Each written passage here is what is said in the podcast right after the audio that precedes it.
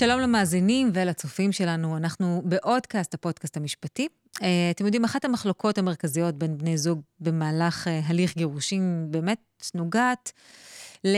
נקרא לזה סלע מחלוקת, כי זה באמת סלע מחלוקת. חלוקת הרכוש. כשאין הסכם ממון, יחול על זוג שמתגרש אה, הסדר איזון המשאבים הקבוע בחוק יחסי ממון. ההסדר בעצם קובע כי רכוש שנצבר במהלך החיים המשותפים של בני הזוג יחולק שווה בשווה, למעט חריגים שהן ירושות, מתנות, נכסים שהיו לבני הזוג אה, עוד קודם הנישואים. אלא שבפועל זה מסתבר לא כזה פשוט, ובהרבה מקרים בית המשפט מורה על חלוקת נכסים שאמורים היו להיות מוחרגים. אז ננסה לעשות קצת סדר בבלגן, להבין מתי זה קורה, מה אפשר לעשות בנידון.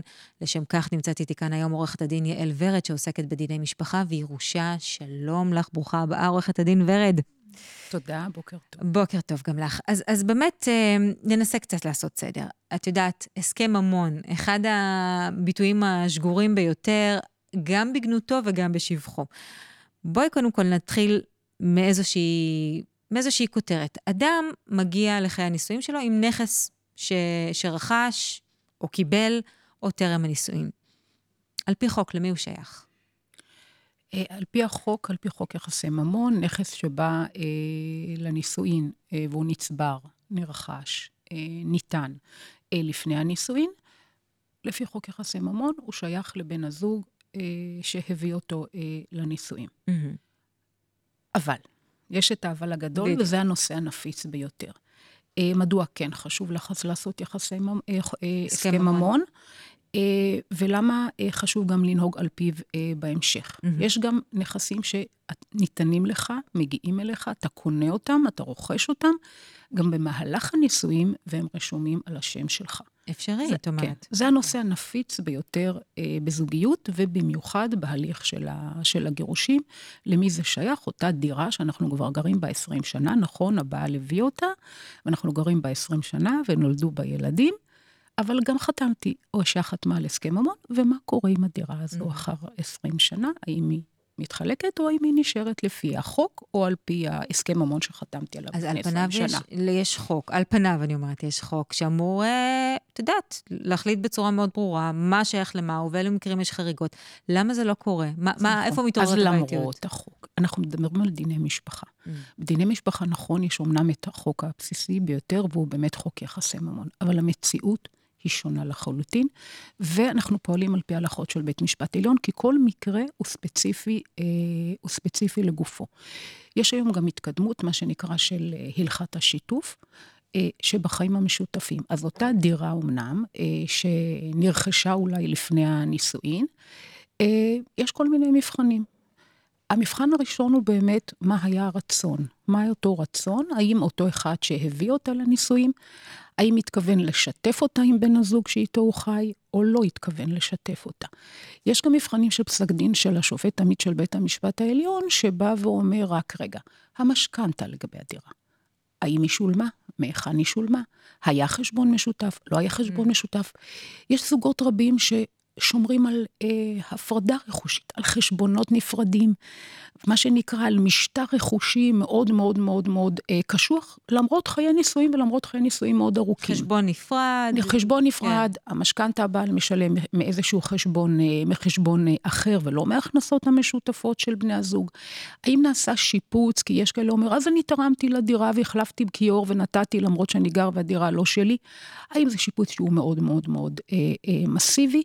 ובעיקר, כלומר, אתה צריך להביא, כדי לבוא ולומר, ואני תכף אספר על מקרה שמלווה אותי אה, כבר אה, שלוש שנים בעשייה השיפוטית, אה, האם באמת, חוץ מראייה, כלומר, צריך בית המשפט העליון והשופטת חיות בפסק דין לצערנו, שנקרא הבוגדת 2, mm. האם הדירה, הספ... קוראים לזה נכס ספציפי, נכס שבא לפני כן, האם באמת הדירה הזאת היא דירה אה, אה, משותפת?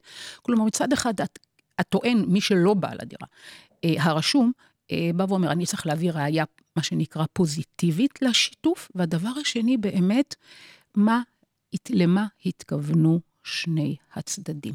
כי יש מקרים שבהם הצד שהוא בא, לכאורה הרשום על הדירה ובעל הדירה, נותן לאחר את התחושה, את הכוונה, שמה ששלי, שלך. Mm-hmm.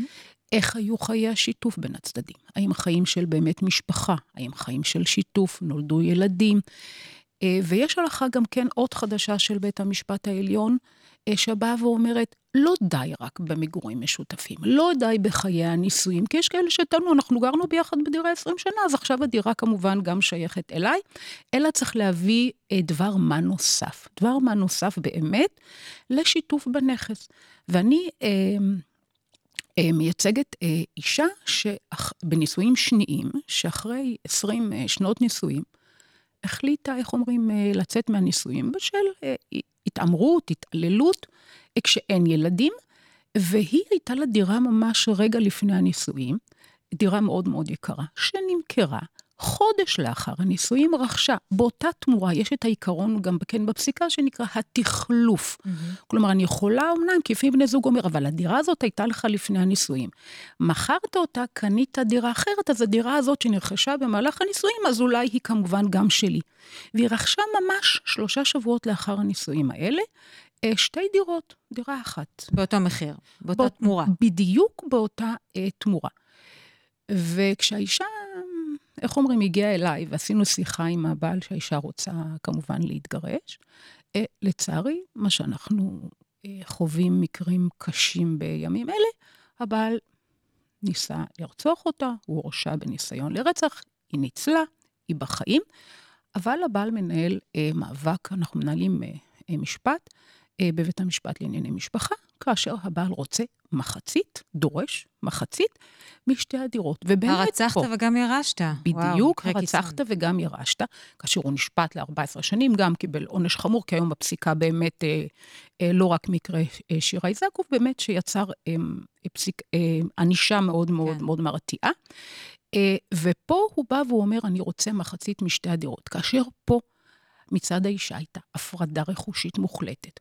בתחילת הנישואים הוא ניסה כמה פעמים לקחת אותה לחתום על הסכם ממון, והיא אמרה לו, לא, לא חתמה. היא לא הייתה מוכנה כמובן לחתום. כלומר, הגישה שלה הייתה במשך כל הנישואים וכל הריבים, הדירה הזאת היא רק, שתי הדירות האלה הן רק שלי, ואני לא מוכנה לשתף. אפילו שקע תקע שהוא קנה לשיפוץ, הוא דרש ממנה את הכסף, והוא לא חשב מה ירצה, מה יהיה כמובן יותר מאוחר. ולכן היום גם כשבית המשפט ושואל אותו, אדוני הנכבד, מה אתה תרמת לשיתוף הזה כמובן בנכס? אין תשובה. אה, אין ראייה. אנחנו כבר יודעים כמובן אה, אה, מה יהיה. אבל אני אומרת, ולכן מצד שני, כן חשוב לעשות הסכם ממון. אז רגע, שנייה, אני רוצה בנקודה הזו בדיוק לעצור.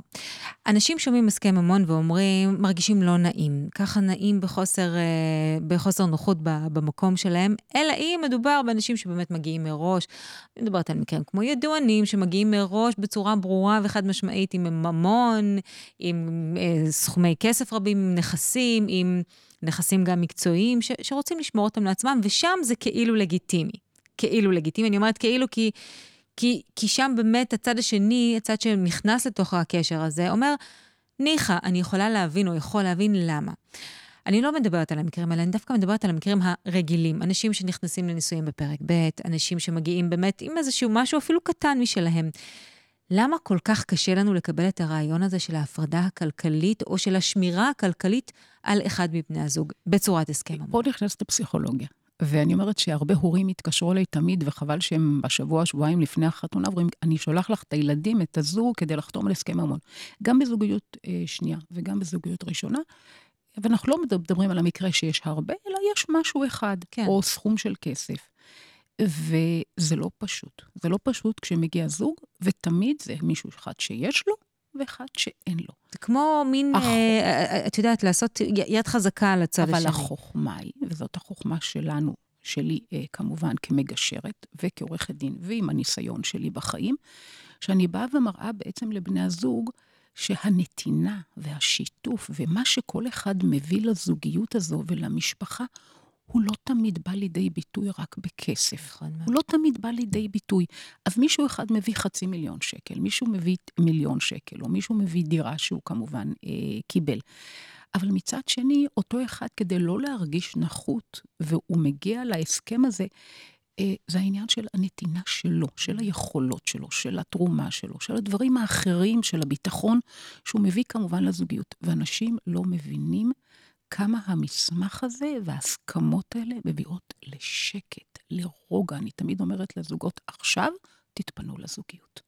כי ברגע שאין כל 24 שעות, אמרתי, כמה פעמים ביום אתם חושבים על זה? כל הזמן, כל יום במשך חיי הזוגיות, זה שלי, לא שלי, זה שלי, היא תיקח לי, הוא ייקח לי, וזה מאוד מאוד כן, מאוד חשוב. כן, מהניסיון שלך ומההיכרות שלך, זה, זה שיח שנוכח, באמת? שיח שנוכח ושיח שמביא להרבה מאוד אה, של אה, פירוד אה, או גירושין. אני רוצה לשאול אותך, דווקא לא על אלה שמגיעים עם אה, ממון רב לזוגיות, לנישואים, דווקא אלה שהם את יודעת, ממוצעים, את יודעת מה אפילו? ממוצעים ומטה. גם הם, היית ממליצה להם לעשות הסכם ממון? כן, מאוד. אני אומרת, כל שבוע יש לי שניים, שלושה זוגות כאלה שמגיעים באמת לגישור, אה, שאנחנו מדברים על הזוגות הממוצעים, mm-hmm. אם זה לנישואים ראשונים, ואם זה בעיקר גם כן לנישואים שניים, כי מה שאני עשיתי ומה שאני, כי פה זה לא רק אני. בדרך כלל, אם זה היה רק הם, הם לא היו עושים הסכם. כן. היו בונים את הזוגיות שלהם בשקט. אבל כשהם באים אליי, אני אומרת להם, אני יודעת, מול העיניים, הילדים שלכם, ההורים שלכם, כולם. הלחץ האדיר הזה, והחברה, והיא תיקח לך והוא ייקח לך, ולמה לי לחיות, וכל השאלות האלה בעצם, ברגע שאתה יושב בתהליך הזה של הגישור ומביא את הצדדים להסכמות ולביטחון, זאת התרומה האדירה ל... לנישואים, ובמיוחד בחומר הנפיץ הזה של מישהו שמביא משהו. מתי הוא יהיה שלי, לא יהיה שלי. ואני אומרת לזוגות גם, מעלה. אתם עכשיו בהתחלה, תבנו את הזוגיות. הרי אתה לא יכול לבוא ולדרוש ממישהו, אני רוצה את החצי דירה שעכשיו הרגע הזה אתה הבאת לזוגיות, אני קוראת לה, כי היום אנחנו מדברים על זוגיות יותר מאשר על נישואים. נישואים, נכון. אה, מחויב מציאות. אני רוצה לשאול אותך, מה לגבי מצב שבו בני הזוג באמת הקדימו ועשו הסכם ממון. בית המשפט יכול לפסוק אחרת מהוראות ההסכם במקרים מסוימים, אנחנו רואים את זה הלכה למעשה. בהרבה מאוד מקרים. באילו מקרים? בהרבה מאוד מקרים. אם יש הסכם ממון, לדוגמה, לגבי דירה, שמישהו הביא. אבל בדירה, הדירה הזו, במק... באפשרות ראשונה, הדירה הזאת, הם גרו בה 20 שנה, נולדו בה ילדים. היא נכנסה למאגר. היא נכנסה למאגר המשותף. יש בעלות לאישה או לאיש על אה, חלקים מסוימים אה, אה, בדירה. הדירה שהביא האיש נמכרה, mm-hmm. והזוג נתן אותה כמקדמה לדירה אחרת. משותפת, כן. למרות שנרשם הסכם ממון, הוא לא תקף כבר במקרה הזה. כלומר, העניין הוא באמת מה בפועל, אחר כך אותה דירה שניתנה, האם שמרת עליה בצד, איך אומרים, ולא גרתם בה ולא ילדתם בה ילדים, ואיך התנהלתם בדירה הזאת, איך התנהלו החשבון המשותף, כל ההוצאות לגבי החזקת הדירה. ואלה הם באמת דברים שלכן לבית המשפט, איך אומרים, ולפעמים אין לזה ראיות, למה התכוון, וזאת השאלה תמיד, האם בן הזוג שהוא בעל הנכס, האם באמת הוא התכוון לשתף, ועל זה יש מחלוקות רבות בבתי המשפט. את אומרת שלטובת השקט הנפשי והצלחת הזוגיות, והשקט לא רק של אחד הצדדים, של הזוג כזוג, רצוי להקדים תרופה למכה, ו, ובאמת להסיר את החשש הזה עוד לפני שנכנסנו לחיי הנישואים. למרות חוסר הנעימות, ו- וזה, זה אני חושבת, את יודעת, אני חושבת על זה תוך כדי שאנחנו מדברות, ואומרת, הרי משמעות של זוגיות, של נישואים, של... זה הכרזה על אנחנו חיים יחד, כזוג, כשני אינדיבידואלים שחוברים לאינדיבידואל אחד משותף, שומרים על כל אחד על צדדיו, אבל הופכים להיות משהו שהוא משותף. ואולי בגלל זה, רעיונית, זה כל כך קשה לאנשים עדיין. את יודעת מה, אפילו כאן, אצלנו בישראל, כי זה משהו מאוד מאוד חם ומשפחתי, איך יראו אותי, איך יתפסו אותי, שאני מנסה או מנסה לעשות אה, יד, יד חזקה על בן הזוג שלי באמצעות הממון. זה כמו, אפילו אני אקצין ואומר שיש כאלה שאפילו עלולים לפרש את זה כסוג של אלימות כלכלית, או איזשהו באמת, אה, אה, איזה באמת אלמנט פסיכולוגי שהוא כל כך חזק, כמו שציינת, שכאילו, למה אני שומרת משהו משלי זוגי, לזוגיות שאמורה להיות שיתופית? סליחה שאני מפריעה, אבל בישראל הפן הפסיכולוגי בישראל, דירה זה גם הישרדות, נכון. זה קיום. אנחנו חיים בחברה, במדינה, בחזור ביטחון.